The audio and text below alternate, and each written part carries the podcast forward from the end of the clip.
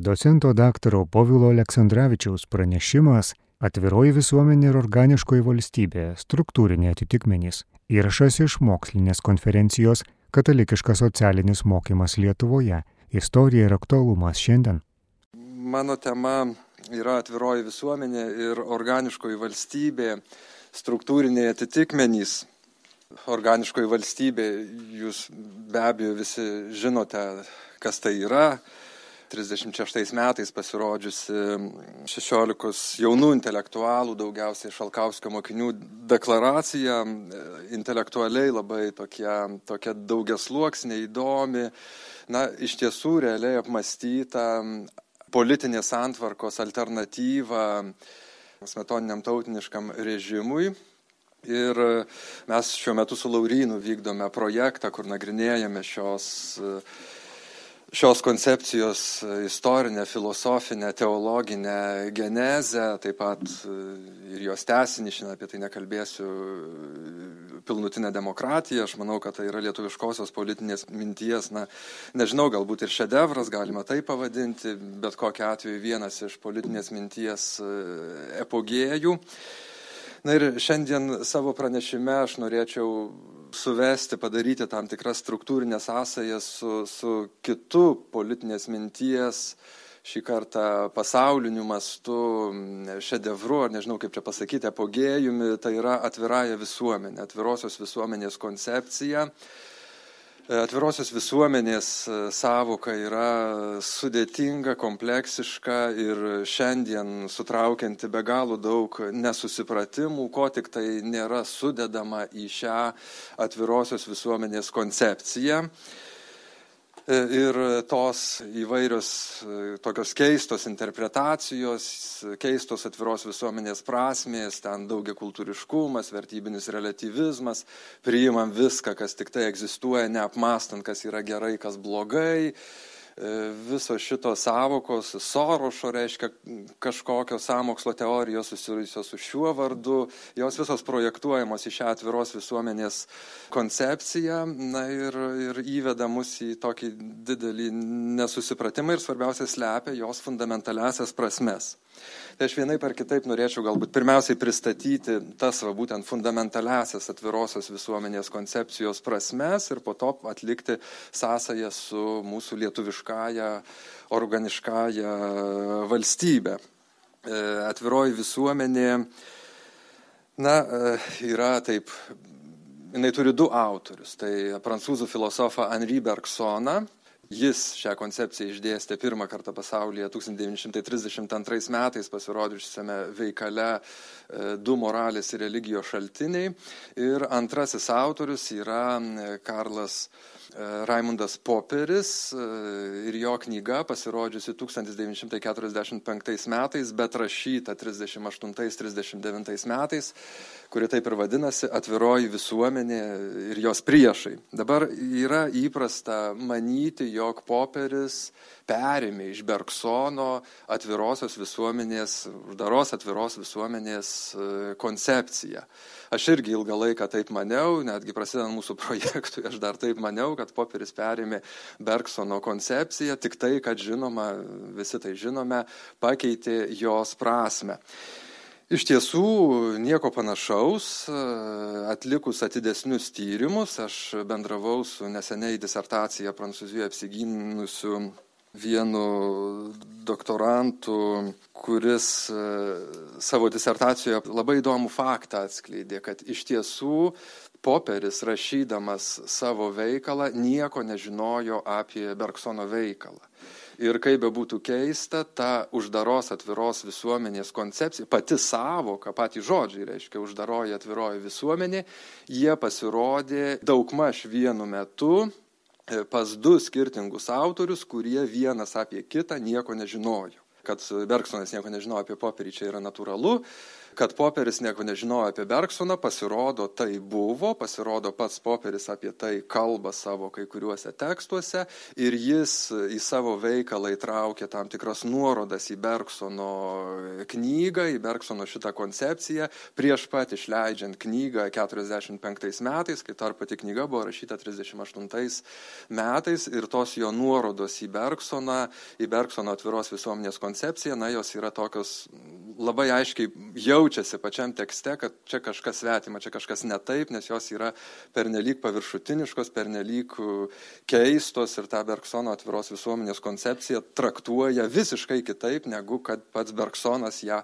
kad traktuoja. Ten, pavyzdžiui, apkaltina Bergsoną magiškų mąstymų, kai tarp visas Bergsono veikalas yra skirtas paneigti magišką mąstymą, kuris sudaro uždarą visuomenę ir parodyti to giliojo krikščioniško misticizmo prasme, kuris atveria tas properšas uždarojoje visuomenėje. Poperis šitų niuansų yra visiškai nepagavęs ir kažkodėl e, vien tik tai matydamas, kad pas poperį atviroji visuomenė turi religinę prasme, tokią, na, religinę, čia irgi reikia žinot, ką tai reiškia religinę prasme, jisai staiga apkaltina Bergsoną kažkokiu magišku mąstymu ir panašiai. Tai yra visiškai absoliutus nesusipratimai ir tai reikia turėti omeny, nes istoriografijoje šie nesusipratimai nėra išsklaidyti, ir, bet aš galbūt nelysiu į, į tam tikras istoriografinės detalės.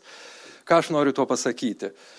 Tai pirmoji tokia mano tezė yra ta, kad atviros visuomenės savoka ir samprata tai yra natūrali laiko dvasios išraiška. Sakykime taip, jeigu tos pačios savokos pasirodo pas du vienas su kitu sąsajų neturinčius autorius, na tai turi būti kažkas, tai negali būti va, toks atsitiktinumas ir, ir viskas.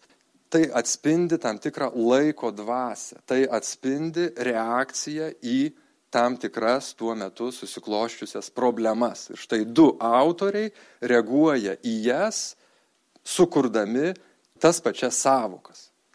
Taigi kyla tada iš karto hipotezė, ar nėra ir kitų pasaulyje kilusių koncepcijų, kurios taip pat reaguodamos į iš esmės susiklošiusią pasaulyje tuo metu situaciją, nesukuria irgi kažkokių analoginių atsakymų į ją.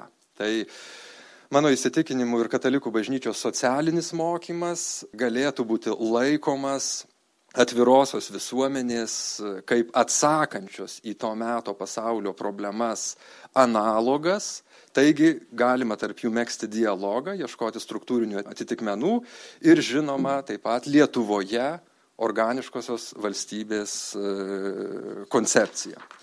Tai dabar einu tada truputėlį jau į konkretesnius dalykus po šios e, įžangos. Žodžiu, yra pasaulio tam tikras kontekstas ir reakcijos į jį, kurios tos reakcijos tarpusavyje, na, gali būti tiesiogiai nesusijusios, bet yra analogai tarp jų. Tai va, struktūrinių analogų šiandien čia dabar ir e, jūsų akivaizdoje paieškosiu. Pirmiausiai pristatysiu tą atvirosios visuomenės koncepciją, taip kaip jis kleidžiasi pas Bergsoną ir Poperį, kokie yra panašumai ir skirtumai. Ir toliau, kaip tai susiję su organiškosios valstybės e, koncepcija. Tai pas Poperį ir pas Bergsoną galima užčiuopti tokias dvi pagrindinės, e, jiems bendras tokias probleminės linijas, nors abu autoriai ir dėlioja to skirtingus akcentus pirma linija tiek pas Popierį, tiek pas Bergsoną yra tokia, tai yra karo problema bei pereimo prie nuolatinės taikos klausimas. Yra karas ir yra vėl keliamas tas klausimas, kanto klausimas, ar yra įmanoma taika ne tik va, ta taikos samprata kaip ruošimasis naujam karui, bet, kaip Kantas sako, amžinoji taika. Tai šitas klausimas dominuoja Bergsono veikale ir jis keliamas taip pat pas popierį, kažkiek e, truputėlį kukliau, bet jis taip pat yra. Tai yra panašumas tarp dviejų koncepcijų atvirosios visuomenės. Ir antras dalykas, antra probleminė linija, tai yra socialinio teisingumo ir e, demokratijos problema. Arba pas abu autorius socialinis teisingumas ir demokratija reiškiasi kaip vidinės visuomenės reformos klausimas. Ir čia pridėčiau kaip vidinės visuomenės reformos nuolatinumo klausimas. Tiek pas Popierį, tiek pas Bergsoną e, visuomenė turi nuolatos reformuotis. Va čia šitas yra klausimas. Ar visuomenė e, turi, kaip čia su ta reforma, ar karts nuo karto ir taip toliau, bet šitas yra visuomenės reformos nuolatiškumo klausimas. Tik tai per tą reformos nuolatiškumo savoką mes galime išpildyti demokratijos esmę bei išpildyti socialinį teisingumą. Tai tokie du klausimai, tokios dvi probleminės linijos jungia abu veikalus. Na, o dabar aš pateiksiu šešis atviros visuomenės bruožus ir kai kuriuose iš šių bruožų Poperis ir Bergsonas jungiasi, kai kuriuose iš šių bruožų mes matysime, kad ir savo jungtyje jie labai stipriai išsiskiria. Pristatysiu, suprasite, ką aš turiu omenyje. Tai pirmasis atviros visuomenės bruožas yra tas, kad tai yra visada išėjimas iš uždaros visuomenės. Ką aš turiu omenyje? Aš turiu omenyje tai, kad pas abu autorius, tiek pas Popierį, tiek pas Bergsoną, tai, kas yra natūralu žmogaus prigimčiai, tai yra uždara visuomenė. Žmogaus prigimčiai čia yra ganėtinai, na, toks pesimistinis požiūris į žmogaus prigimtį pas abu autorius, kad uždaroji visuomenė yra natūralus žmogaus prigimties produktas, yra uždara visuomenė. Tai yra kažkas, kas ateina iš prigimties, iš biologinės žmogaus prigimties, tai ypatingai akcentuojamas pas Bergsoną, bet pas Popierį mes taip pat galime rasti. Poperio knyga tokia labai nenusekli, bet ten taip pat galime rasti šių teiginių patvirtinimą.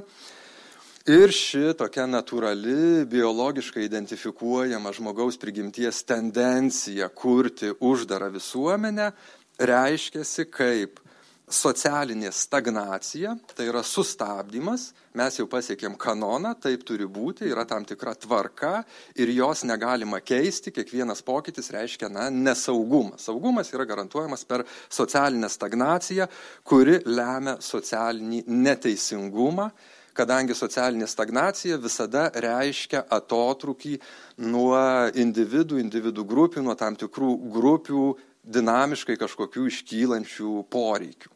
Nes šie poreikiai jie nėra pripažįstami, turi būti stagnacija, tik taip išsaugoma tvarka. Šita socialinė stagnacija, reformos nebuvimas, tai yra uždaros visuomenės bruožas. Ir taip pat antras uždaros visuomenės bruožas, pabrėžiamas pas abu autorius, Bergsonas ir Poperis jie sutinka dėl uždaros, skirtumai bus dėl atviros visuomenės. Uždaros visuomenės koncepcija pas juos daug maž sutinka ir Poperis tą pripažįsta, susipažinę su Bergsono koncepcija. Taigi antras bruožas uždaros visuomenės tai yra priešiškumas kitoms visuomenėms.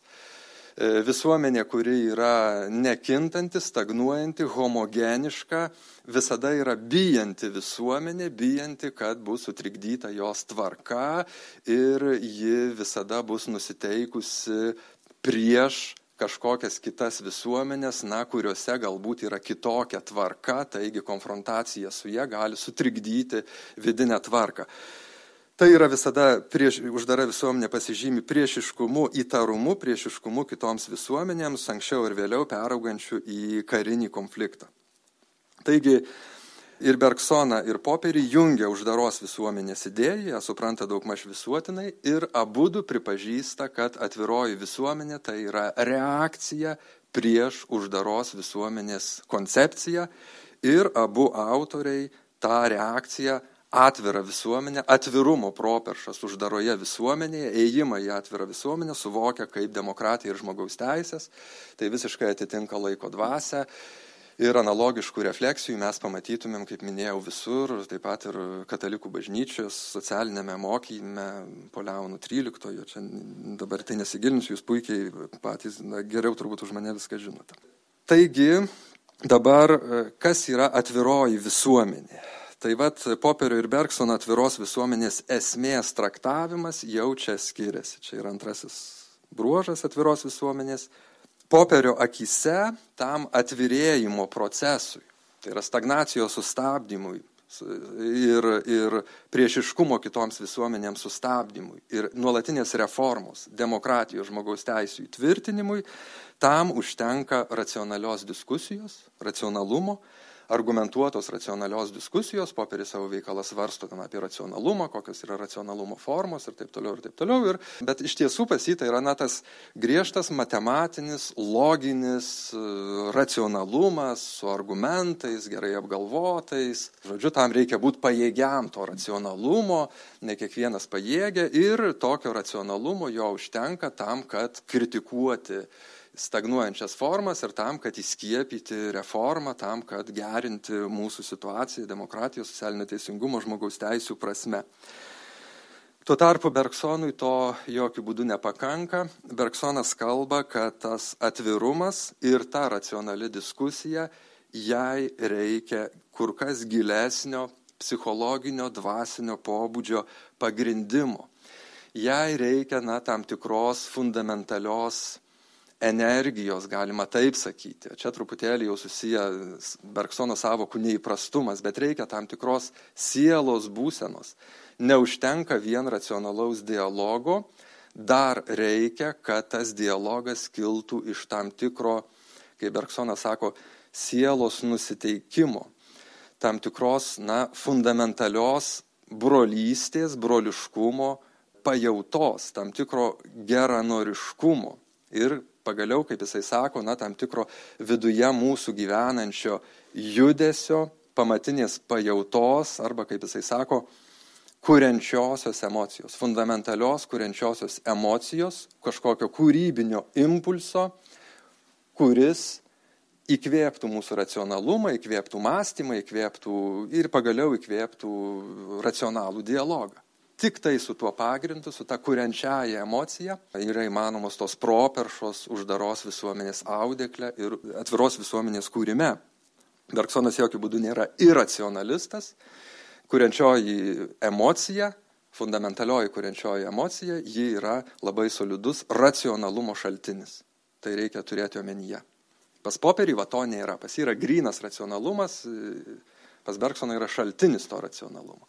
Ir tai labai išskiria jų atviros visuomenės koncepcijas. Dabar yra šią atvirosios visuomenės varomoji jėga, pas vieną, pas popierį racionalus dialogas ir taškas pas Bergsoną, taip racionalus dialogas, tačiau su pagrindimu, su kuriančiaja emocija. Kas tai yra kuriančioji emocija? Galbūt, kad mums čia Lietuvoje būtų lengviau suprasti, aš galbūt kaip pavyzdį duodu sąjūdį, kuris vykęs ir 88-90 metais, ką mes tada jutome. Galbūt, galbūt čia reiktų, čia tik hipotezė žinoma, bet čia buvo kažkas iš tos kuriančiosios fundamentalios emocijos, kurios be abejo mes nesame linkę išsaugoti ir dėl to mūsų demokratijos, ten žmogaus teisės, reformos atkrinta į tą stagnaciją, į gryną racionalumą ir pagaliau egoistinius poreikius ir be tos pamatinės energijos, net tai, ką mes vadinam atvirą visuomenę, ji vienai par kitaip užsiveria, net jeigu operuoja savokomis, kurios iš esmės yra susijusios su atvira visuomenė. Žmogaus teisėmis grįsta visuomenė gali būti uždara, jeigu nėra tos pamatinės sielos būsenos. Čia pas Bergsoną yra va, šitas dalykas, dėl to jis šiandien labai aktualus pasaulyje, kad jis kalba apie psichologinės dvasinės sąlygas į kurias patekusi visuomenė gali iš tiesų sukurti kažką realaus, realią demokratiją, realią žmogaus teisę. Kitaip mes atkrintam į uždarą visuomenę, kad ir kaip e, mes operuotumėm gražiomis e, savokomis.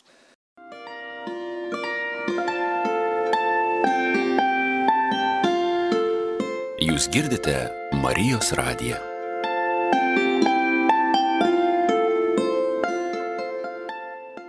Dabar labai supaprastindamas ištarsiu dabar tokius keturis bruožus, ką va taip konkrečiai galėtų reikšti ta atvira visuomenė. Čia irgi Bergsonas popierium kai kur susitiks, kai kur išsiskirs. Tai pirmiausiai suvokimas, abu autoriai tai pabrėžia, pas abu autorius tai yra, jie praktiškai čia sutampa, abu autoriai pabrėžia, kad e, atvira visuomenė yra ta visuomenė, kuri yra atsivėrusi visai žmonijai.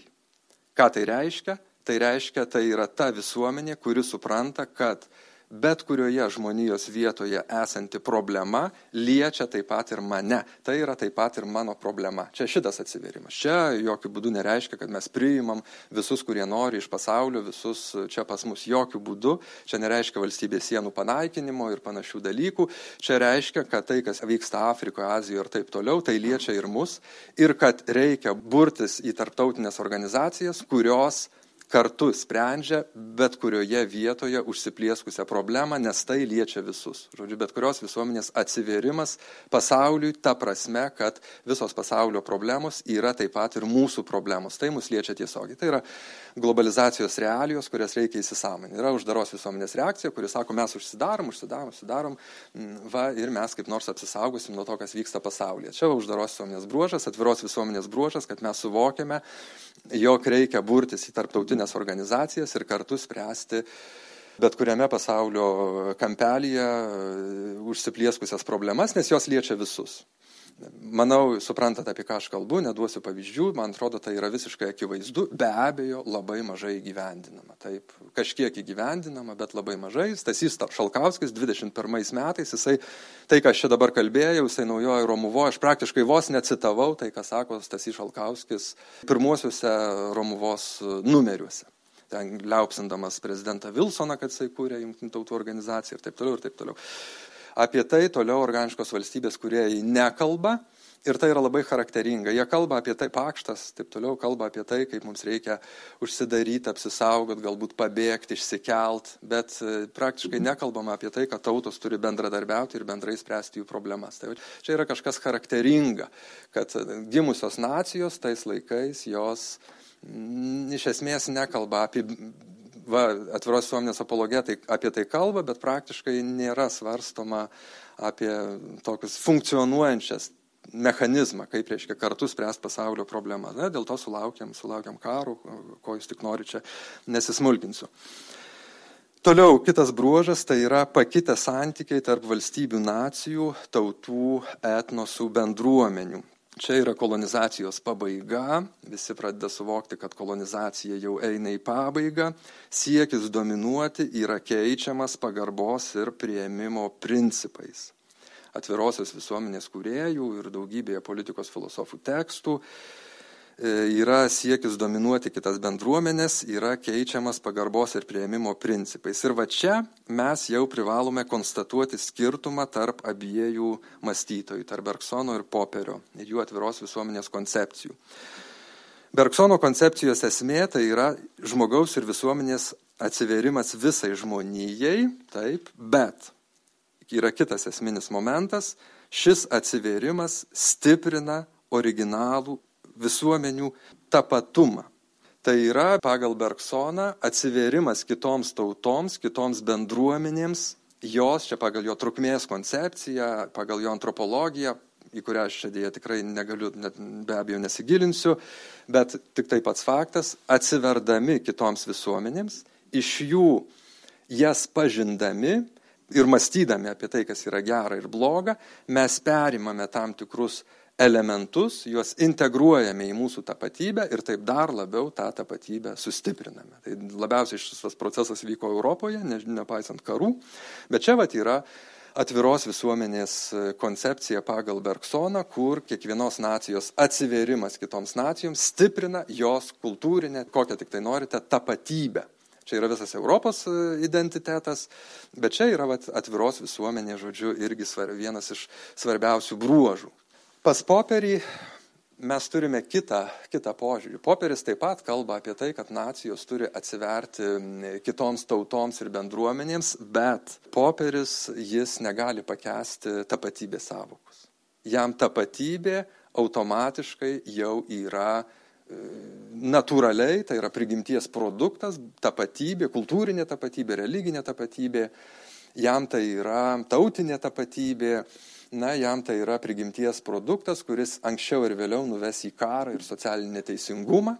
Ir čia tapatybės atsiverimas žmonijai reiškia palaipsnį, palaipsnį tapatybės išnykimą. Va pas popierį yra labai aršių eilučių apie tai, kokį pavojų kelia tautinės tapatybės, kultūrinės tapatybės, religinės tapatybės ir taip toliau. Ir taip toliau mes turime atsiverti žmonijai ir, pasak Pierre Manan, Taip, va, gal žinote šį prancūzų filosofą pasak Pierre Manin, va, popieriui yra artima va, ta žmonijos religijos koncepcija, kuomet mes išnykstame bendroje žmonijos masėje, tampame socialiniai teisingi, demokratiški, giname žmogaus teises, tačiau be jokių tapatybinės įvairovės.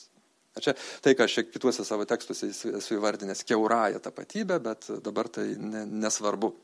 Čia va mes matome skirtumą tarp Bergsono ir Poperio, kur um, vienam atsiverimas kitoms tautoms reiškia savos tapatybės sustiprinimą ir kitos tautos yra to sustiprinimo šaltinis, kitamgi atsiverimas reiškia tapatybės ribų netekimą, ištirpimą, tapatybės atsisakymą galiausiai Tai be abejo, tuos labai kompleksiškus šio laikinės globalizacijos daugia kultūriškumo reiškinius atviros visuomenės koncepto kontekste yra įmanoma tinkamai reflektuoti, tik turint omenyje šį fundamentalų skirtumą tarp Bergsono ir Poperio filosofijų ir tarp šių dviejų atviros visuomenės koncepcijų skirtumų. Nes yra šnekama daugybė nesąmonių šia, šia, apie, apie tai. Toliau, visuomenės viduje vykstantis socialinis dialogas, kuriuo siekiama kiekvienam individui arba visuomenę sudarančiai bendruomeniai užtikrinti optimalias sąlygas, na, sakykime taip, gyventi laimingai, išpildyti save. Tai yra rūpestis, kada dominuojanti grupė rūpinasi kiekvienu individu, kiekviena bendruomenė, kuri gyvena taip pat toje visuomenėje. Čia Poperio ir Bergsono požiūriai be abejo taip pat sutampa, čia mes galime aišku prisiminti Aristotelio politėjos ir demokratijos skirtumą, kur demokratija, čia pas mus keista, bet dažnai nesupranta, pas mus kartais demokratija yra apibrėžiama kaip daugumos valdžia mažumai. Nu, nu ne, daugumos valdžia mažumai tai nereiškia, kad dauguma nepaiso, kas yra tikra autentiška demokratija, arba kaip pasakytų Aristotelis, politėja, tai yra, kada dauguma laimi rinkimus, tačiau ji yra atvira mažumoms, tai yra pasirūpina jomis taip pat pat individais, mažumomis ir taip toliau, nepasirūpina savimi ir mažumos. Tai čia tada yra labai pavojingas procesas prasideda. Na, bet dabar ne apie tai. Tiek atvira visuomenė, tai būtent yra ta visuomenė, kuomet laimėjusi valdžia dauguma, ji pasirūpina tais, kurie pralaimėjo rinkimus arba kurie dėl savo mažumo negali jų daryti jokios įtakos politiniams procesams. Jais taip pat pasirūpina, juos apklausia, jais domisi, ko jie gyvena, ko jie nori ir rūpinasi jų poreikiais. Taigi, Čia Bergsonas ir Poperis e, tarpusavyje yra visiškai suderinami, tačiau jų požiūriai į šį dialogą, socialinį dialogą, vėlgi yra labai skirtingi ir kontrastuoja. Poperio nuomonė dalyvavimui šiame dialoge užtenka žmonių pajėgumo būti logiškai racionaliais. Nori dalyvauti šiame dialoge, turi būti logiškai racionalus. Ir kadangi, bet kur čia yra problema? Problema yra tame, kad daugybė žmonių jie nėra pajėgus dalyvauti e, racionaliame dialoge, taigi ir socialinėme dialoge, jie nėra pajėgus argumentuoti, jie nėra pajėgus formuluoti savo problemų, nežinau, psichiniai ligoniai, pavyzdžiui, tai, bet taip pat ir daugybė nepsichinių ligonių, kurie dėl vienokių ir kitokių priežasčių, jie nėra pajėgus to matematinio, griežto, nuostabaus racionalumo. Jie nėra pajėgus šią prasme dalyvauti socialiniam dialoge. Ir ką tada siūlo poperis? Poperis siūlo va, tą savo žymųjį socialinės inžinerijos e, projektą. Tai yra, kad žinantieji, tie, kurie išmano, racionalūs, jie tiesiog, na, jie atlieka visuomenėje tam tikrus technokratinio pobūdžio veiksmus, leidžia tam tikrus įstatymus, e, neatsiklausia tų masių, kurios nemoka racionaliai argumentuoti. Tai yra žmogeliai, kurie, nu, jie negali dalyvauti socialiniam dialogė, na, ne, ne, negali jie. Tai ir tada yra nusprendžiama už juos ir tada yra pateisinama socialinė, socialinė inžinerija. Dėl to poperis yra baisiausia ir ten aršiai puolamas ir, ir taip toliau ir taip toliau. Tai štai čia jau Bergsono koncepcija čia labai skiriasi. Bergsonas niekaip nepripažįsta, negali pripažinti tos socialinės inžinerijos, kad ir ką teiktų profesorius Radžvilas savo na, ypatingai ypatingame straipsnėje apie Bergsono atvirą visuomenę, mane tas straipsnis apstulbinęs. Taigi Bergsonas tikrai šitos idėjos e, yra svetimos, Bergsono e, brolystės ta koncepcija reikalauja atsižvelgti į kiekvieno konkretaus asmens vidinę arba sąmonės būklę. Ir šitas atsižvelgimas, na, jis inspiruoja ypatingą racionalumo formą, kurią Polas Rikioris ir taip pat Jean-Marc Ferry, va, su kuriuo man teko nemažai bendrauti Prancūzijoje pagal jų terminologiją, mes tai galime vadinti naratyviniu racionalumu. Labai gaila, negaliu dabar neapsistosiu ties šio naratyvinio racionalumo konceptu, kuris ir yra tikrasis atvirosios visuomenės konceptas, naratyvinis racionalumas, kuomet kiekvienas žmogus, invalidas, netgi psichinis ligonis, žodžiu, bet kas, bet koks žmogus, sunkiai galintis kalbėti, aš ėmu kraštutinius pavyzdžius, jis gali išsikalbėti ir jis gali būti išgirstas ir jis gali būti integruotas į gerai organizuojamą socialinį dialogą šitas momentas manau jis yra nepakankamai įvertintas ir apie jį šiandien reikia galvoti kai mūsų visuomenėse yra šitiek daug žmonių kurie dėl vienokių ar kitokių priežasčių jaučiasi neišgirsti atstumti ir galbūt po to supyksta ir kuria įvairiausius sąjūdžius maršus ir ten jau tada juos pasiglemžia mm, įvairios kitos manipuliacinės jėgos ir kitos socialinės inžinerijos taigi iš bergsoniškos perspektyvos tam socialiniam dialoge skirtingai nuo popieriškos perspektyvos jame gali dalyvauti visi dėl to naratyvinio racionalumo koncepcijos na ir toliau paskutinis bruožas tai yra truputėlį jau ką užsiminiau tai yra demokratinių institucijų užtikrinančių socialinį teisingumą ir žmogaus teises kūrimas ir nuolatinė reforma. Čia yra abu ir bergsonas ir ir poperis pripažįsta šio kūrimo ir šios reformos dinamikos arba nuolatinumo būtinybė ir tik ši nuolatinė reforma švelnina įvairių socialinio teisingumo formų ir įvairių žmogaus teisių tarpusavio konfliktą. Jūs puikiai žinote šitą baisią problemą baisią problemą taip laisvės lygybė įvairių žmogaus teisių tarpusavio konflikto problemą. Tai čia va šitas tiktai reformos nuolatinumas gali gali šią problemą išspręsti tik žinoma aš manau kad čia reikia reikia bergsono to antropologinio pagrindimo tos brolybės sąvokos tos kuriančiosios emocijos tik per tai popierių čia tikrai ne neužteks. Tai va taip labai trumpai galbūt be abejo schematiškai ir ne neišsamiai aš jum pristačiau čia tą atvirąją visuomenę ir toliau dabar su organiškąja valstybe kokie yra atitikmenys tai pirmiausiai tada aš organiškoje valstybėje žinoma bergsonas yra įsišaknijęs krikščionybėje jam atvira visuomenė tai yra evangeliniai evangeliniai resursai ir taip toliau taip toliau skirtingai nuo popierių kuriam tai visiškai svetima yra. Tai čia natūraliai organiškos valstybės kūrėjai irgi kadangi semiasi iš savo idėjų iš evangelijos tai kažkoks jau čia yra atitikmuo. Na bet pažiūrėkime konkrečiau. Tai pirmiausiai patikrinsime organiškos valstybės sampratoje socialinio dialogo ir teisingumo siekius, kurie turi e, na, realizuotis visuomenėje per institucinės reformas ir kaip tai atitinka Bergsono popierio atviros visuomenės koncepciją. Ir paskui pasižiūrėsime šiek tiek į antropologinį pagrindimą. Taigi, socialinis dialogas ir teisingumas per institucinės reformas ir per jų dinamiką. Tai aš gal dabar paskaitysiu, kad greičiau taip. Taigi, 36 metais e, autoritarinio režimo sąlygomis tie 16 jaunų intelektualų, daugiausiai Šalkauskio mokinių, jie pasirašo deklaraciją organiškosios valstybės kūrimą.